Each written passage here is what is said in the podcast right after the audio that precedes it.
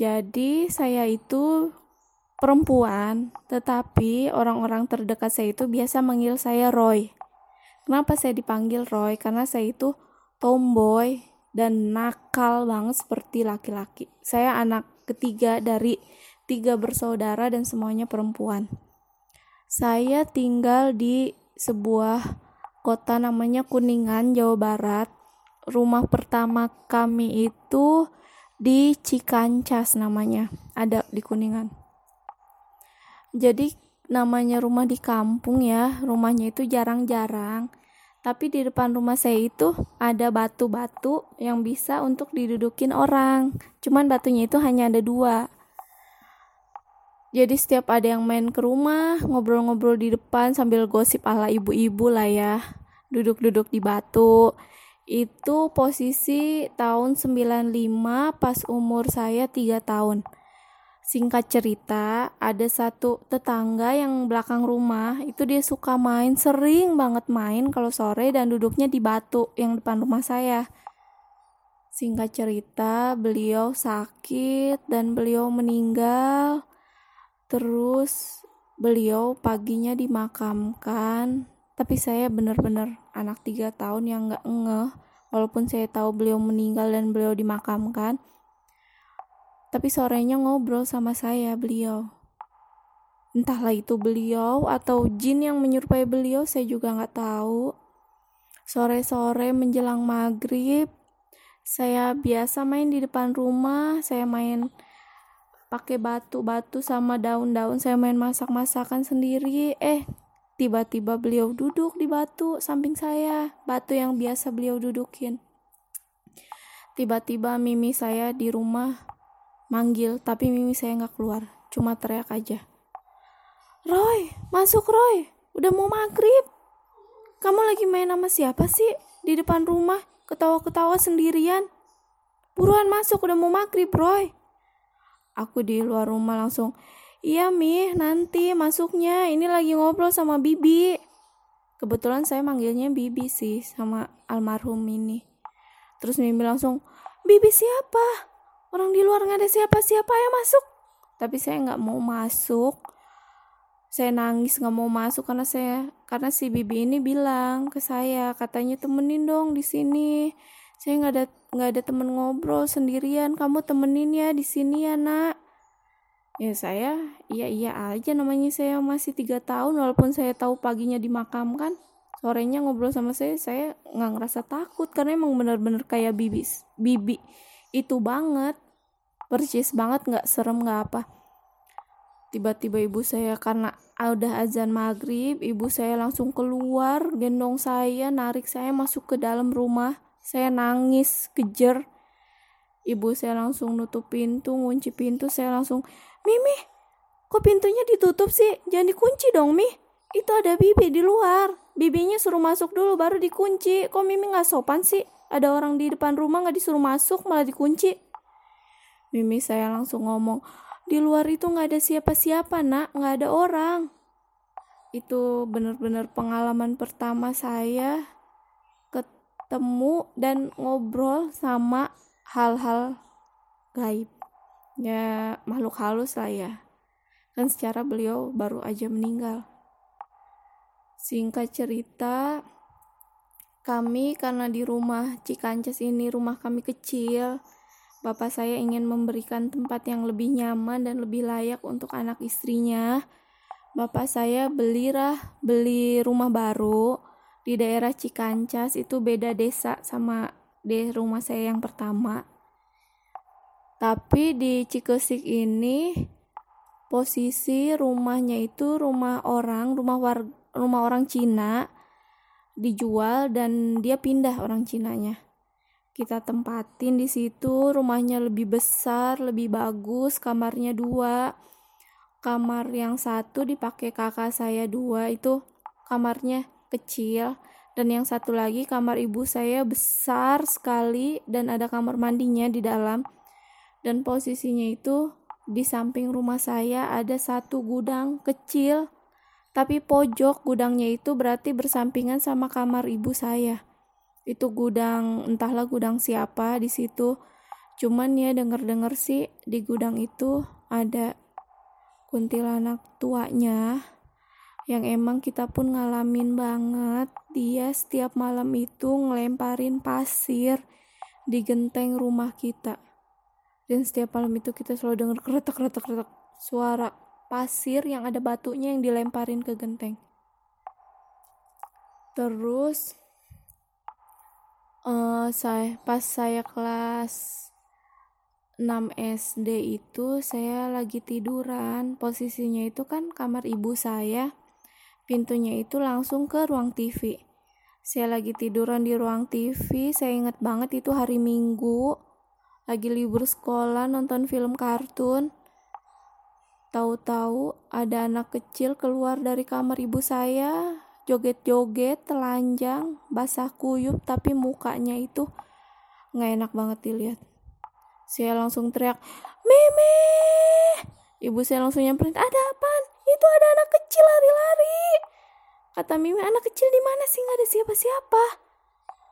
Tapi percaya nggak percaya, dari kamar mandi Mimi saya ada jejak kaki anak kecil basah. Kayak kita keluar dari kamar mandi, kaki kita basah, nggak dielap langsung jalan. Kan ada jejak kakinya tuh basah.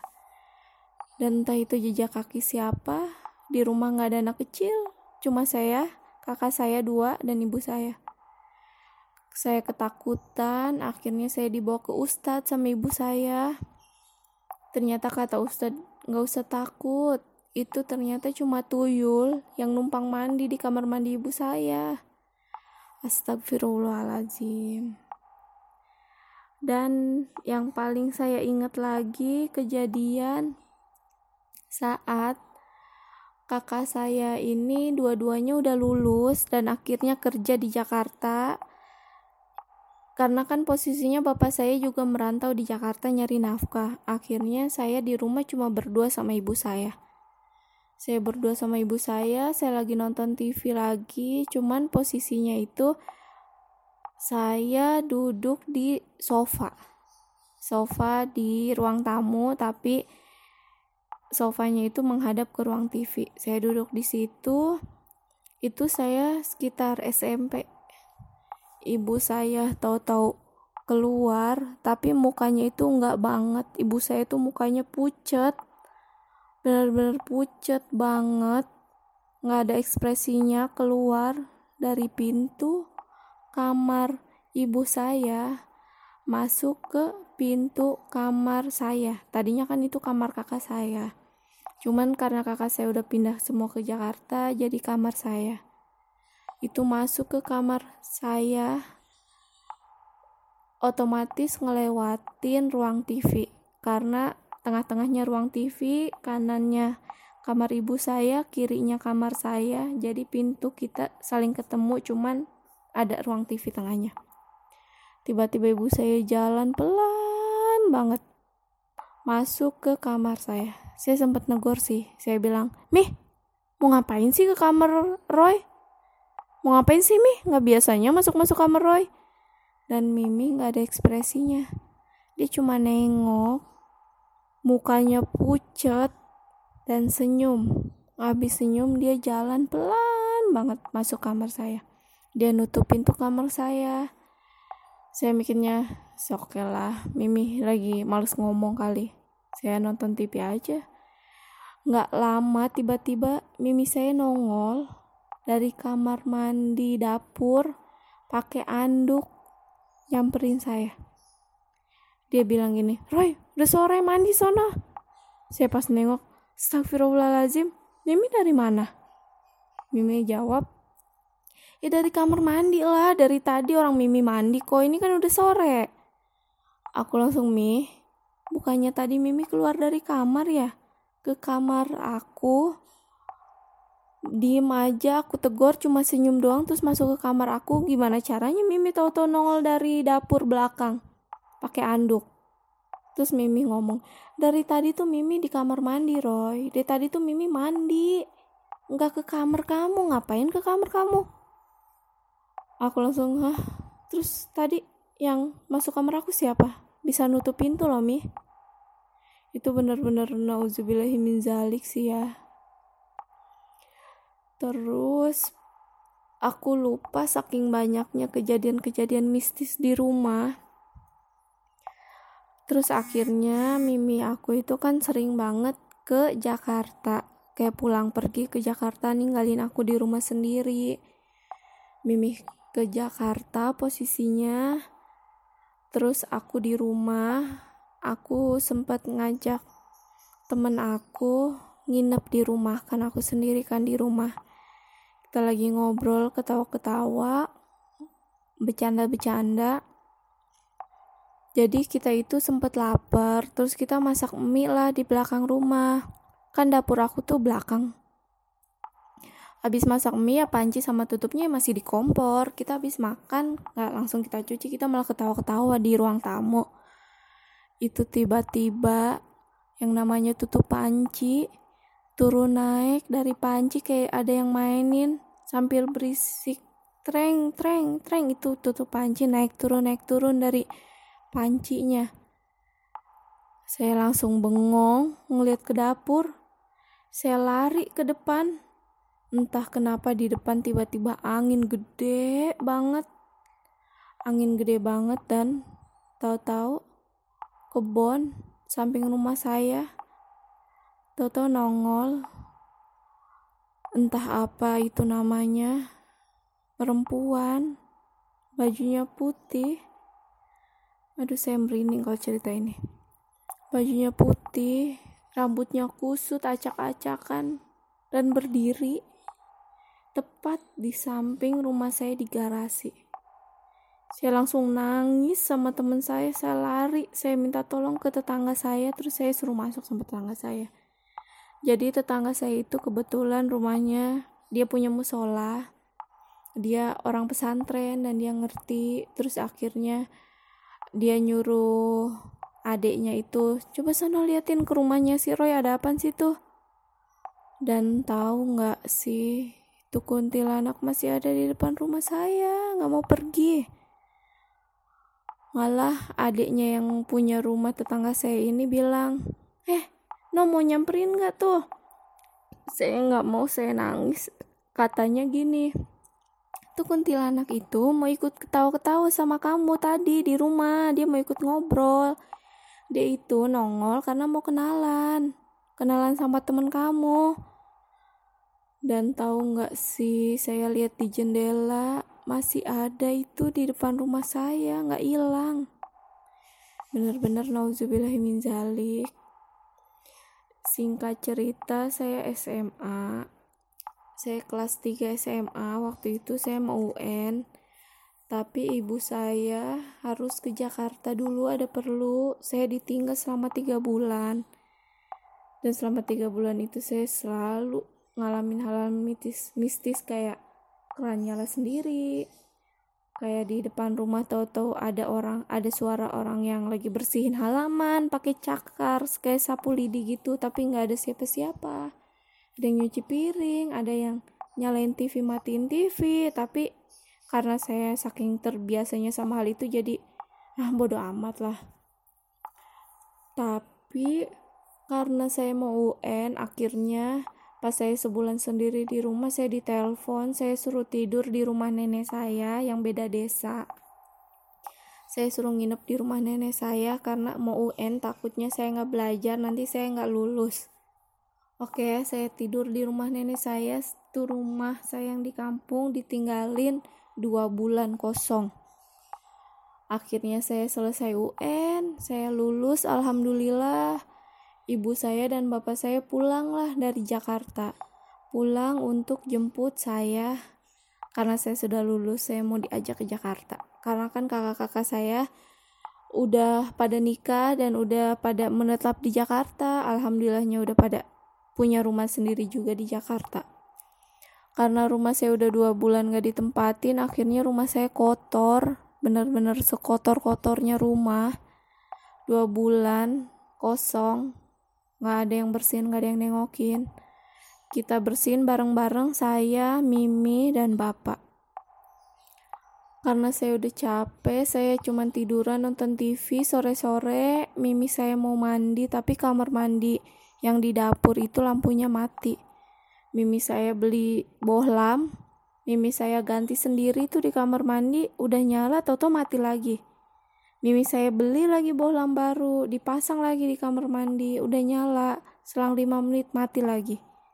Mimi saya beli lagi dan begitu seterusnya sampai sekitar enam kali Mimi saya beli lampu baru.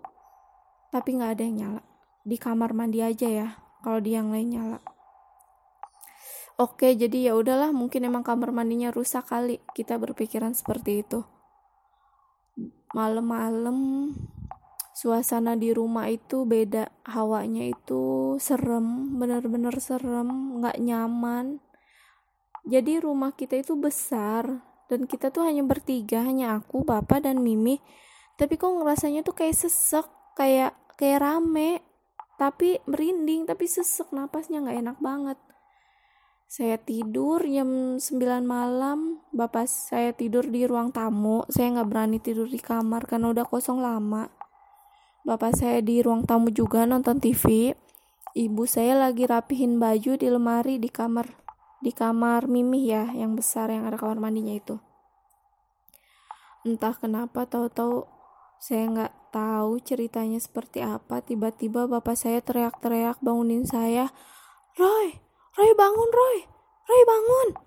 Saya langsung kaget bangun karena bapak saya teriak. Saya dengar orang ketawa. Ternyata ibu saya lagi kesurupan.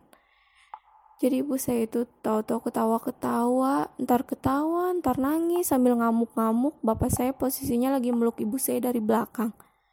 Dia langsung teriak Roy ambilin bangle tuh di meja. Ambilin bangle sekarang buruan. Namanya saya baru bangun masih masih linglung masih sempat melongo dulu. Akhirnya saya bangun saya ambil bangle. Saya kasih ke bapak saya. Bapak saya langsung kunyah bangle itu mentah-mentah. Saya nggak tahu rasanya seperti apa. Banglenya sama bapak langsung dikunyah mentah-mentah sambil baca ayat kursi. Terus sama bapak disemburin lah ke muka Mimi. Mimi saya tiba-tiba teriak panas panas panas. Terus pingsan Mimi saya lemes pingsan langsung saya gotong sama bapak saya. Di kursi kita usapin kita pijitin Mimi biar bangun biar sadar. Akhirnya Mimi saya bangun. Kata Mimi loh kok kok Mimi ada di sini? Kan Mimi lagi di kamar lagi rapin baju. Mimi tadinya mau bangun mau rapin baju lagi kamar. Tapi kita udah lama nggak usah Mimi besok aja rapinya udah malam kita istirahat aja. Ya udah kata Mimi iya deh kita istirahat aja kita di ruang tamu akhirnya sambil nonton TV sambil bercanda-bercanda ngobrol. Karena udah sekitar setengah satu saya ngantuk saya tidur. Mimi sama bapak masih nonton TV saya tidur mungkin setengah jam karena jam satu tiba-tiba bapak saya teriak-teriak lagi bangunin saya. Roy, Roy bangun Roy, bangun Roy! Saya langsung bangun. Astagfirullahaladzim ternyata ibu saya kesurupan lagi dan ini kesurupannya jauh lebih dahsyat. Ibu saya ngamuk-ngamuk sampai kayak ngajak duel bapak saya ngajak berantem ngamuk-ngamuk nangis ketawa ngomong maki-maki bapak saya sambil matanya melotot dengan suaranya tuh benar-benar bukan suara ibu saya saya lari keluar posisinya gelap banyak kebun saya gedor-gedor pintu tetangga saya ketok-ketok saya sambil nangis saya ketok-ketok karena kan saya juga takut ya keluar gelap-gelap jam satu malam. Saya gedor-gedor pintu tetangga saya panggil tolong tolong. Padahal saya udah gedor itu pintu udah sekenceng-kencengnya teriak sekenceng-kencengnya.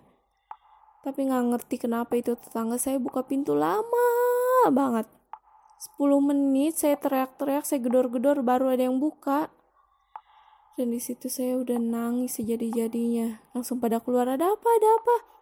Itu tolongin Mimi. Mimi kesurupan udah dua kali. Terus tetangga saya yang emang kayak lulusan pesantren gitu deh orang ngerti. Terus langsung mau ke rumah saya baru sampai pintu depan rumah saya. Mimi saya tiba-tiba melototin dia. Terus ngancem sambil ngomong ngapain lo ke sini? Lu nggak usah ikut campur ya. Kalau lu ikut campur gue gangguin lo terus akhirnya tetangga saya nggak berani masuk dia cuma diem aja di pintu. Toto ibu saya nangis nangis lagi abis nangis ketawa kenceng terus nangis sambil ngomong gini. Jadi kan nama ibu saya itu Idah ya kata Mimi saya yang kesurupan katanya. Sambil nangis dia bilang saya tuh kasihan sama si Ida saya tuh tiap hari lihat si Ida tuh nangis ngelamun nangis ngelamun makanya saya di sini jagain si Ida saya nggak tega si Ida disakitin terus sama suaminya ya emang sih emang dari saya kecil juga saya tahu mereka sering banget berantem sering banget ada konflik tapi ibu saya itu tipikal yang diem. Setiap ada masalah tuh dia nggak pernah bilang sama siapa-siapa. Ibu saya ini orang paling sabar di dunia. Benar-benar panutan saya, benar-benar ibu terhebat dalam hidup saya. Benar-benar luar biasa untuk saya. Dia itu benar pokoknya sangat sempurna di mata saya. Toto nangis terus bapak saya minta maaf. Bapak saya bilang iya saya nggak akan nyakitin lagi si Ida. Tapi tolong keluar. Jangan ting jangan temenin si Ida. Jangan tinggal di badannya si Ida. Kasihan. Kasihan. Biarlah si Ida tenang biar si Ida bahagia jangan diganggu. Saya suaminya saya janji saya akan ngebahagiain si Ida. Saya janji. Dan entah kenapa tiba-tiba mimi saya pingsan dan sadar alhamdulillah udah gak kemasukan lagi. Besoknya kita manggil ustadz kita adain pengajian setiap malam di rumah. Tapi entah kenapa walaupun ada pengajian tetap aja hawa rumah udah ngerasanya udah gak enak banget. Sampai pada saatnya karena kita nggak pernah tidur malam-malam selalu kita begadang saking takutnya ya. Sampai fix oke okay, kita pindah ke Jakarta. Kita tinggal di Jakarta dan kita nggak usah tinggal di rumah ini. Akhirnya kita memutuskan untuk pindah. Kita udah packing packingin semua. Udah siap-siap besoknya kita mau ke Jakarta. Siang-siang kita udah packing semua barang. Dan malamnya nggak tahu kenapa Mimi saya masuk ke kamarnya Mimi. Langsung ketawa ngakak. Di luar tahu-tahu angin gede banget sampai pintu rumah saya. Langsung jugruk sampai kenceng banget kayak ada yang banting pintu. Mimi saya langsung ketawa nangis ketawa nangis. Terus tahu-tahu ngomong gini ke bapak saya tahu kalian sekeluarga mau pindahkan ke Jakarta? Ya udah kalau pindah pindah aja saya doain ya, semoga rezekinya lancar ya. Semoga usahanya juga lancar ya, tapi jangan usir saya. Biarin ya saya tinggal di sini ya. Saya jagain rumahnya si Idah ya. Saya sama bapak langsung astagfirullahaladzim, astagfirullahaladzim. Kita langsung baca-baca yang sebisanya mungkin. Akhirnya mimi saya pingsan, mimi saya sadar. Oke, kita pagi-pagi kita langsung naik bus yang untuk ke arah ke Jakarta. Dan sangat-sangat kita nggak ngerti kenapa semua ini. Sampai Jakarta pun ternyata si setan itu ikut Mimi ke Jakarta. Selama di Jakarta pun hidup kita nggak nyaman karena Mimi sering banget kesurupan sering banget sakit. Dan ternyata yang yang bikin itu semua tuh ya si setan itu. Terus karena di kampung ada kenalan ustadz akhirnya mau nggak mau ibu saya bulak balik bulak balik Jakarta kampung Jakarta kampung untuk berobat ke si ustadz.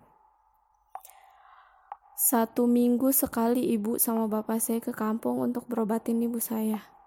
Dan alhamdulillah enam bulan berobat akhirnya ibu saya sembuh bener-bener lepas nggak digangguin lagi sama makhluk yang laknatullah nauzubillahimin zalik ya.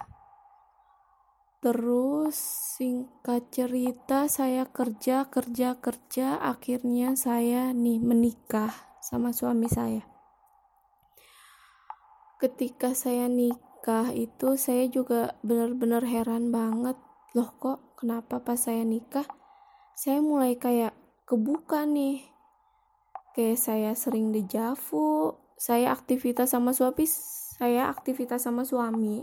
Sih sampai bilang gini loh pah ini kan udah pernah dialamin ya? Kok kita alamin lagi sih? Suami saya langsung nanya ngalamin apa sih mah? Apaan sih?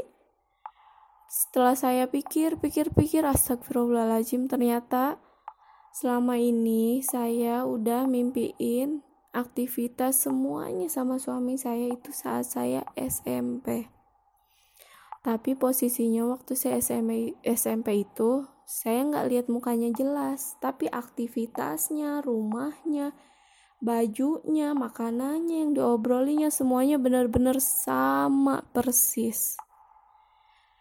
Saya juga nggak ngerti kenapa seperti itu wallahu alam akhirnya karena ada sesuatu hal kita yang tadinya tinggalnya di taman mini saya punya anak satu kita pindah ke Depok daerah Gunadarma. Saking kita pengen pindahnya, memang itu salah kita sendiri. Kita pindah itu nyari rumahnya itu nggak bener-bener teliti. Dan baru sadar setelah kita tempatin di situ, ternyata samping rumahnya itu ada makam, makam keluarga dan ada pohon rambutan yang besar banget. Nah, nanti next insya Allah saya akan menceritakan pengalaman saya di rumah saya yang di Depok itu. Karena jujur saya sempat tiga kali pindah rumah. Saking saya capeknya saya digangguin sama makhluk yang tak kasat mata itu dan sampai akhirnya saya sadar kenapa saya selalu bergesekan sama hal-hal itu dan termasuk sekarang sepertinya menurun ke anak saya yang nomor dua. Insya Allah, selanjutnya saya akan menceritakan itu semua. Terima kasih banyak.